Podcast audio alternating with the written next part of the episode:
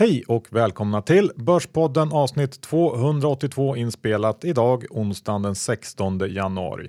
Vi har en huvudsponsor i tradingmäklaren IG Markets. Ja, och eh, IG är ju just det, en tradingmäklare. Och det finns otroliga mängder av möjligheter av affärer som finns att göra på eh, den appen, Johan. Men man har också en desktop, ska man inte glömma bort. Ja, en desktop-plattform. Så att eh, vill man sitta och vara lite mer seriös och ha datorn och alla de möjligheter och den överblick som det ger så tycker jag absolut man ska testa den också. Ja, IG är ju ett utmärkt eh, komplement till eh, kanske Avanza Nordnet där det finns eh, blankningsmöjligheter i nästan alla papper som handlas här på jorden. Och det är väldigt bra om det är sådana här risktider och rastider som det är nu. Verkligen. Så att eh, kika på det, eh, testa både desktop-plattformen och appen helt enkelt. Ja, så är det. Ja. John, vad pratar vi om idag?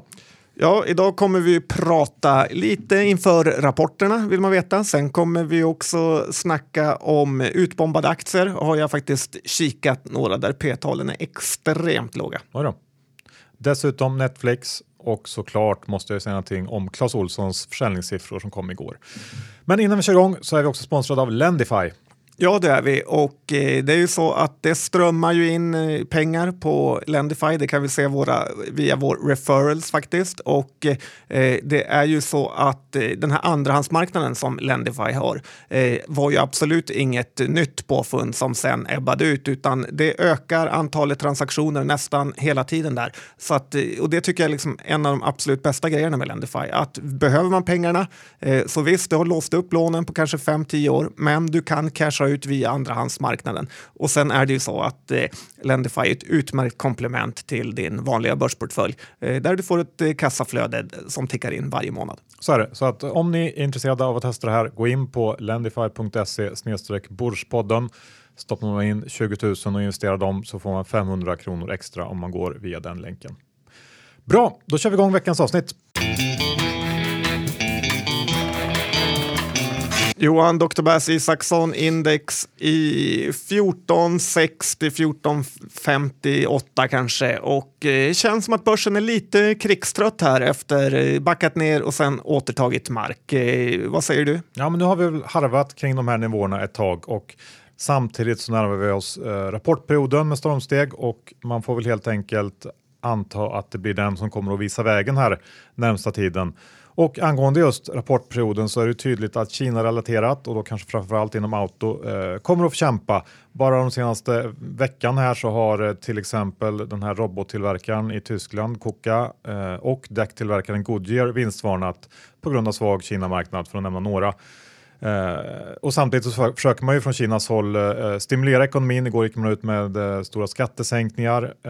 Men givet skicket på, på de kinesiska statsfinanserna så är frågan hur mycket krut man har kvar och hur långt det här räcker. Så att Kina blir ju eh, en eh, intressant eh, datapunkt att hålla koll på i rapportfloden för de bolag som är verksamma där.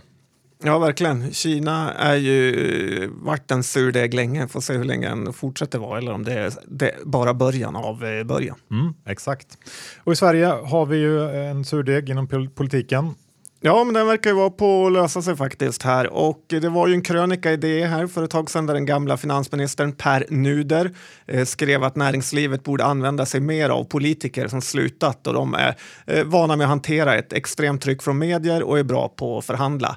Eh, och som sagt, nu verkar det som att Sverige får ny regering här på fredag och lyckas Löfven med det här så måste jag ändå säga att han får utmärkelsen second level förhandlare av mig. Eh, och det är något av det finaste man kan få Johan. Ja. Mm. Det känns som att han har använt precis alla trick i boken. Först eh, dragit lite åt vänster, sen dragit lite åt höger och sen lirkat fram en deal som var helt eh, omöjlig, både innan och efter valet. Så att tycka vad man vill om Steffe och det är väl inte riktigt Jononomics favoritpolitik, men man blir ändå impad av någon som har den här typen av skills. Ja, men det får man ju igenom.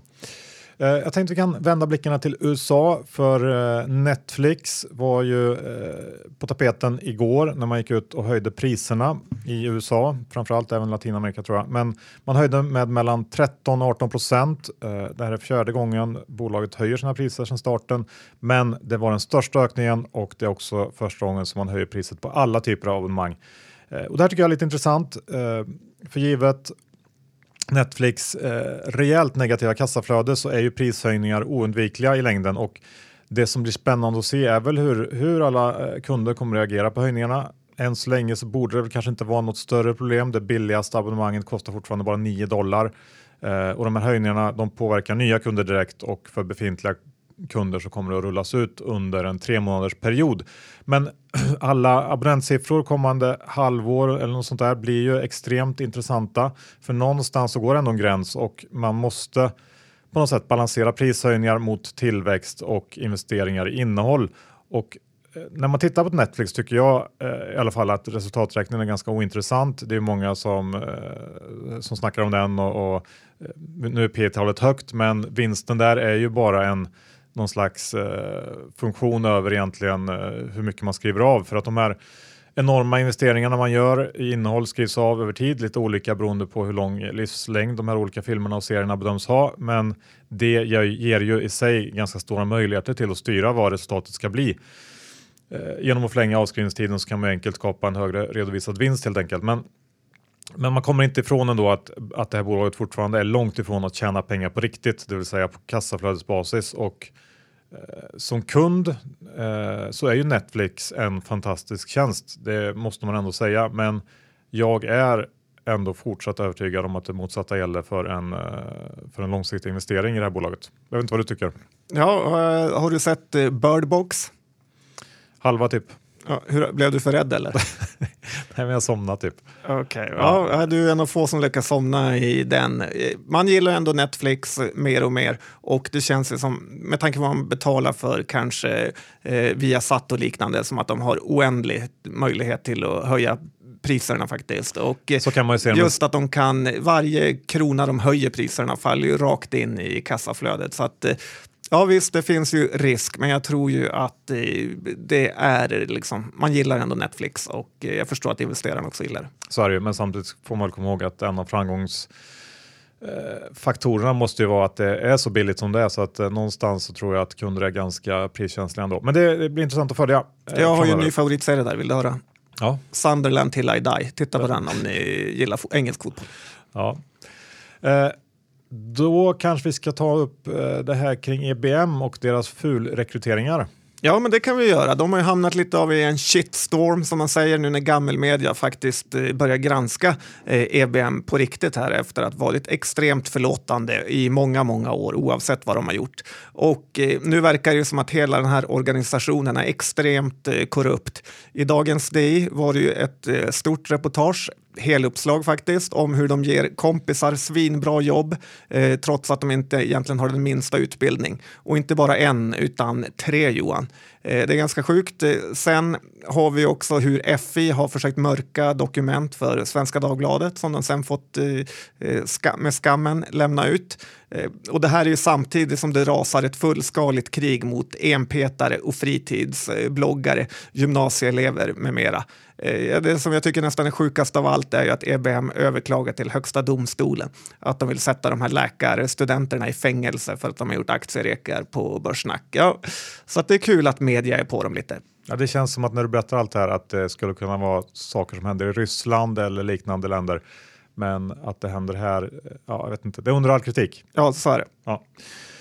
Eh, det här med cat bonds, alltså katastrofobligationer. Um, vad, vad, ska man säga om det John? Ja, men det är ju så att det har ju varit eh, väldigt mycket bränder och stormar eh, och eh, naturkatastrofer ute i världen. Men det här går ju såklart att investera i. Och det finns en fond här i Sverige som heter Catbond och av eh, fondbolaget Entropics. Och, eh, Eh, då investerar, eller de investerar då i katastrofobligationer som fungerar nästan som man utfärdar en eh, säljoption att eh, om inget allvarligt händer så får man bara casha in premien. Men om det blir en sån här allvarlig naturkatastrof Eh, så får man betala ut hela eller delar av eh, den här obligationen. Men genom att vara extremt diversifierad så ska man då som investerare kunna casha ut en säkra 5-6 eh, procent i avkastning. Tyvärr har det här aldrig riktigt fungerat och fonden har ju heller aldrig presterat och det har ju visat sig i inflödena här, för fonden har bara 250 miljarder trots att den har hållit på sedan 2015.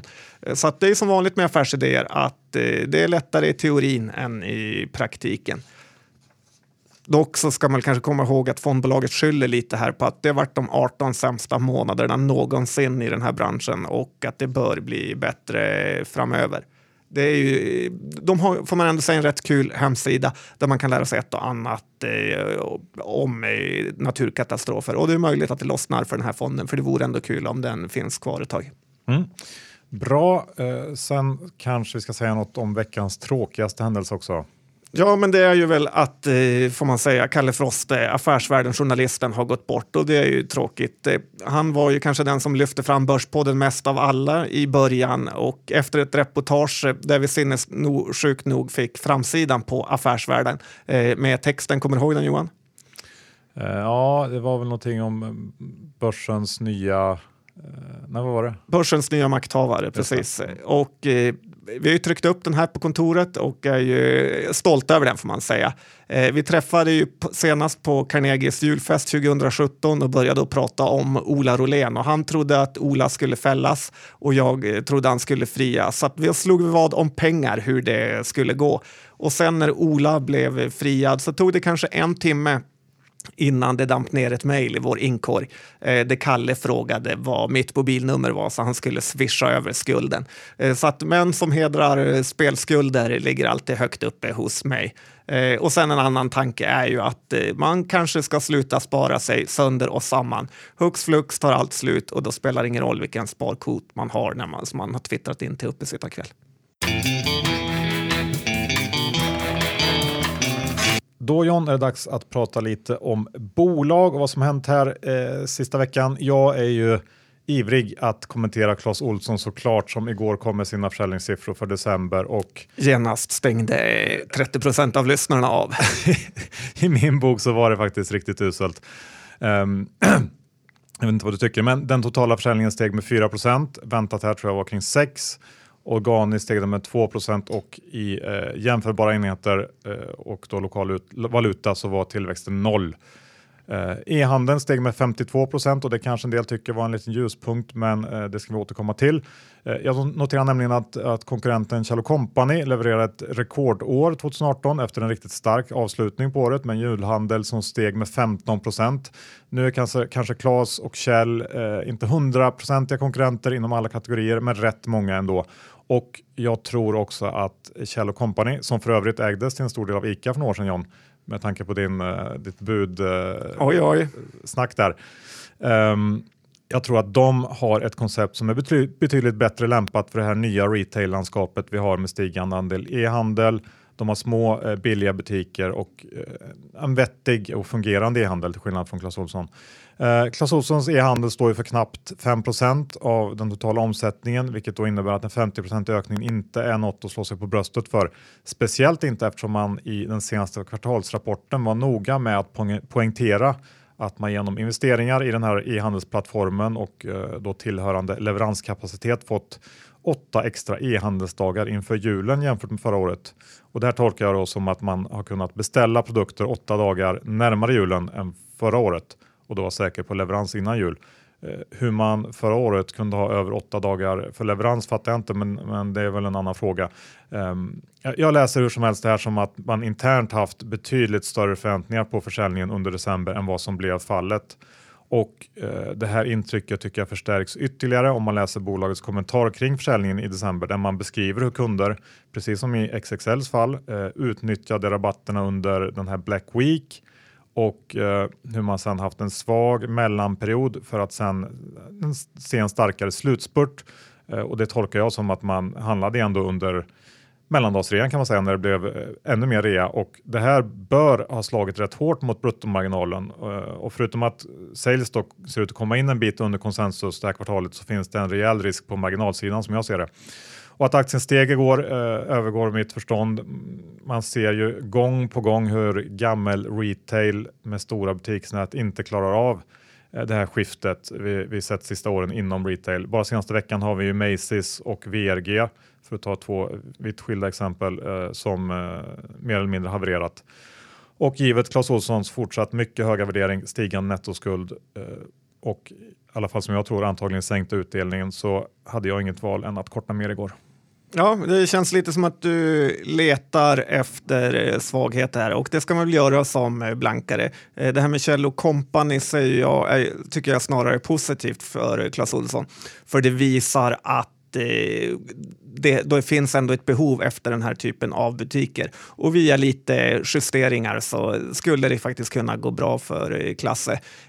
Men det finns ju såklart risker också. Men aktien här har ju handlat är ju i en liksom grepp av datorerna skulle jag säga. Att det är de som trycker den vart de vill. Det finns inga riktiga flöden egentligen. Så det, det är spännande att se vart den tar vägen beroende på nyheterna.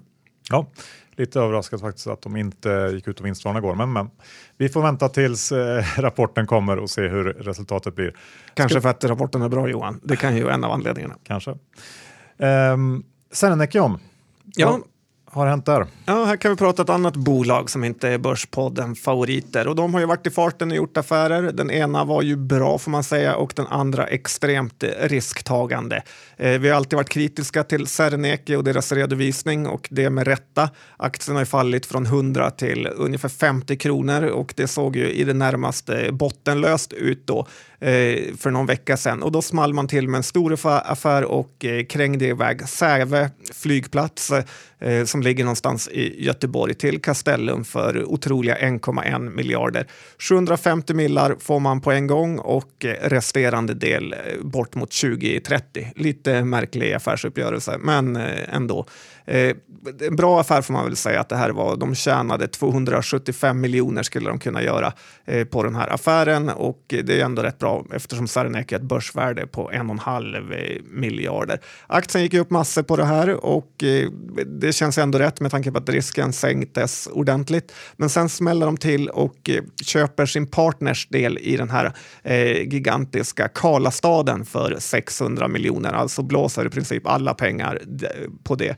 Och eh, vad jag har hört eh, så har ju den här delen varit eh, ute till försäljning länge utan att någon annan partner har nappat och Serneke kände sig väl lite tvungen att köpa loss den. Så att Eh, eh nu är ju Serneke ett eh, bett i princip bara på Karlastaden i Göteborg och eh, kan de färdigställa den och det här eh, stora Karlatornet eh, med vinst är ju frågan. Gillar man risk och byggbolag, två ord som man egentligen inte vill höra i samma mening, så kan ju Serneke vara något. Men jag skulle absolut inte våga ta den här traden. Nej, inte en försiktig general som jag heller. Eh, Ericsson då, som, eh, där har det hänt grejer. I slutet av veckan så gick ju de ut med stora avsättningar och omstruktureringskostnader eh, relaterade till det som eh, förkortas BSS, Business Support Systems, som är en del inom affärsområdet eh, Digital Services. Och Eh, förenklat handlar det om att man eh, skrotar ett system som man lagt väldigt mycket krut på men som helt enkelt inte genererat intäkter och så går man nu tillbaks till en mer beprövad plattform. Och eh, sammanlagt så handlar det här om 7,6 miljarder kronor och även om det här var oväntat och det dessutom är ganska stora summor så tycker jag att det här var helt rätt. Och jag tycker också att man Eh, minska risken i den här turnarounden och öka chanserna att nå de här långsiktiga målen som man har satt upp och eh, kanske, kanske så var det här den sista stora negativa överraskningen innan skördetiden börjar för Ericsson. Eh, för det här är väl det området där man har haft mest problem Eh, och kanske haft svårast att se hur man ska kunna vända eh, skutan. Så att jag eh, personligen eh, ja, väljer nog att byta min, min tidigare lite mer skeptiska syn till att vara mer neutral till den här aktien nu. Den kom ner lite också på det här beskedet så att ja, jag tycker att det var helt rätt gjort. Låter lite olikt dig att hissa bolag som tar konstiga engångsposter på 7 miljarder. Ja, men någon gång ska de första. Eh, preffar brukar du ta upp då och då. Eh, idag har turen kommit till kåren.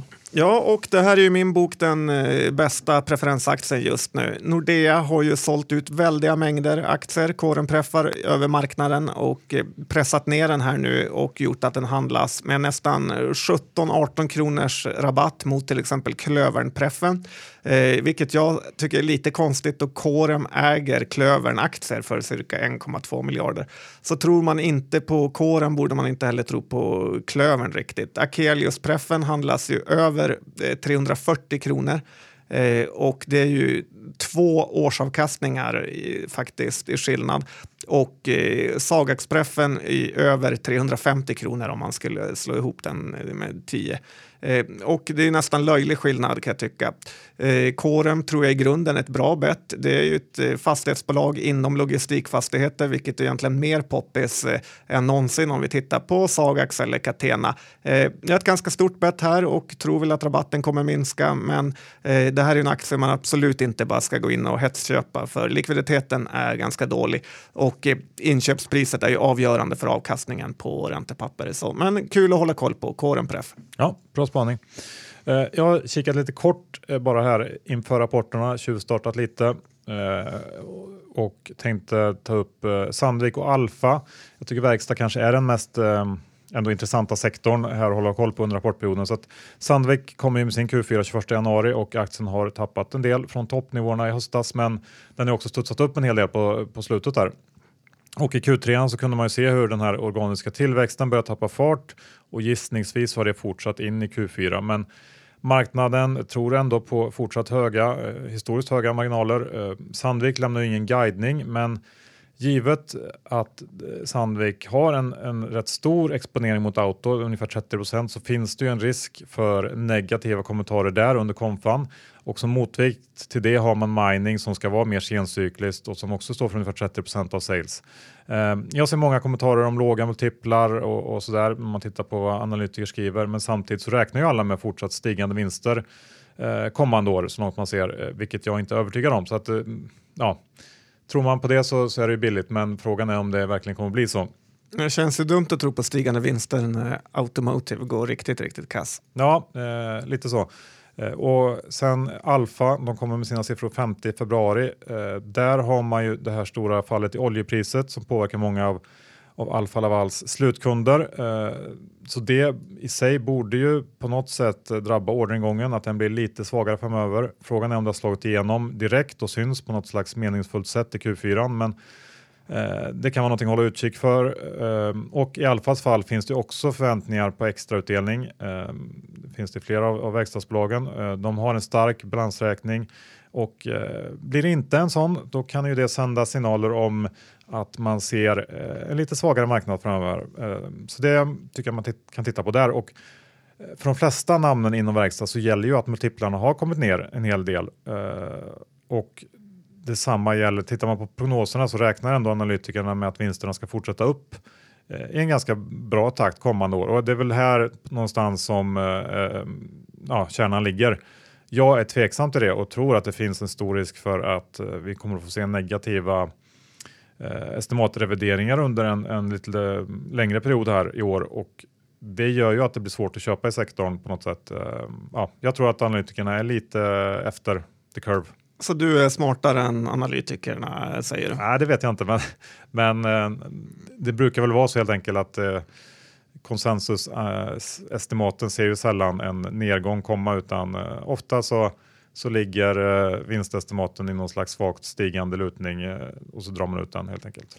Ja, och eh, ett varningens finger kan vi höja för att trada Alfa Laval-aktien. Det är ju en av de sjukaste aktierna och mest datahandlade storbolagsaktierna som finns och kan orsaka stor skada i portföljen om man gör fel. Ja, och, och just inför rapportperioden här också känner jag att det är det känns svårare än på länge att handla de här rapporterna nu för att eh, det är svårt att veta hur mycket som är inprisat och vilka flöden som kommer att komma.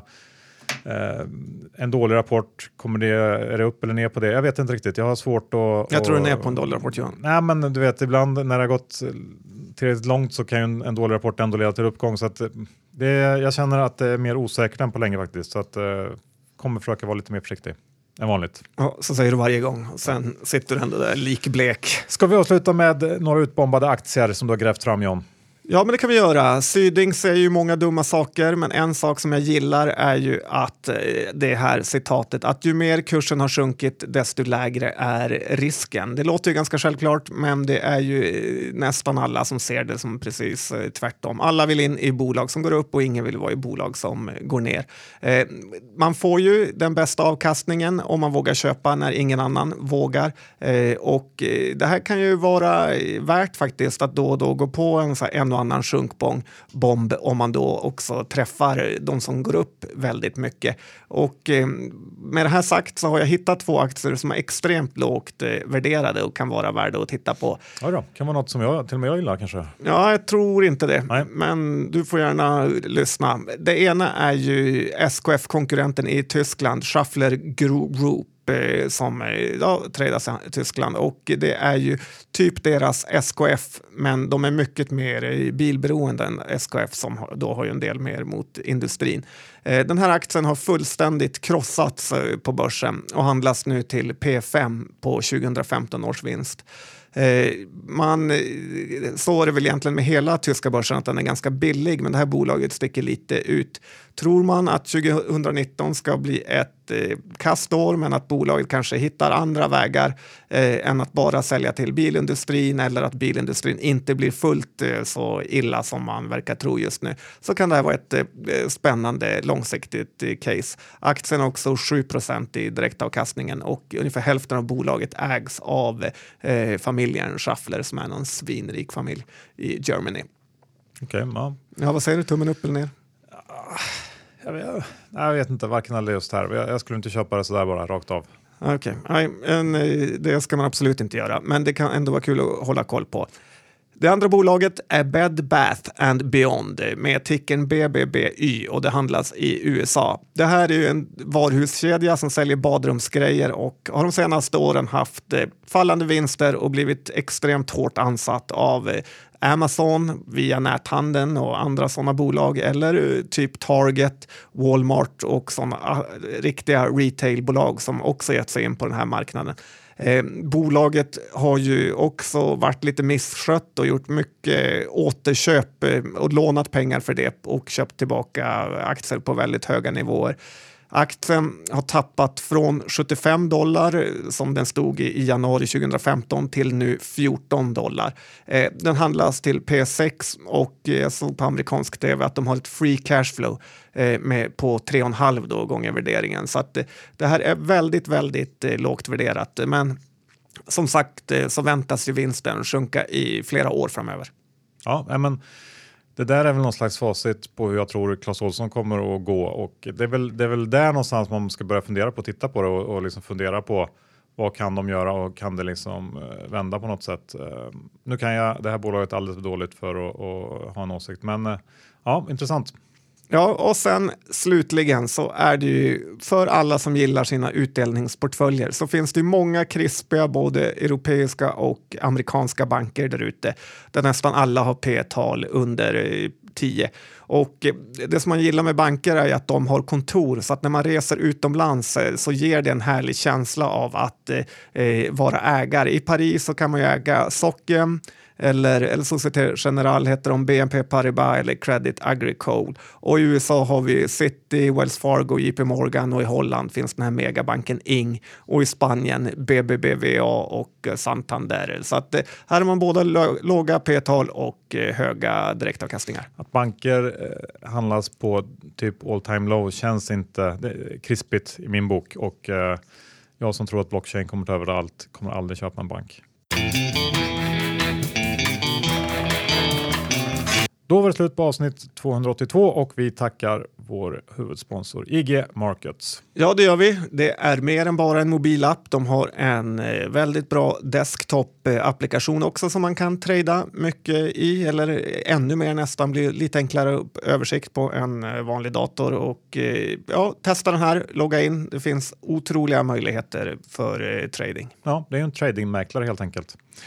Och John, vi är också sponsrad av Lendify. Ja, det är ju så viktigt med ett eh, positivt kassaflöde och Lendify gör det möjligt faktiskt. Och behöver man casha ut allt på en gång så finns det deras andrahandsmarknad som bara fortsätter att växa.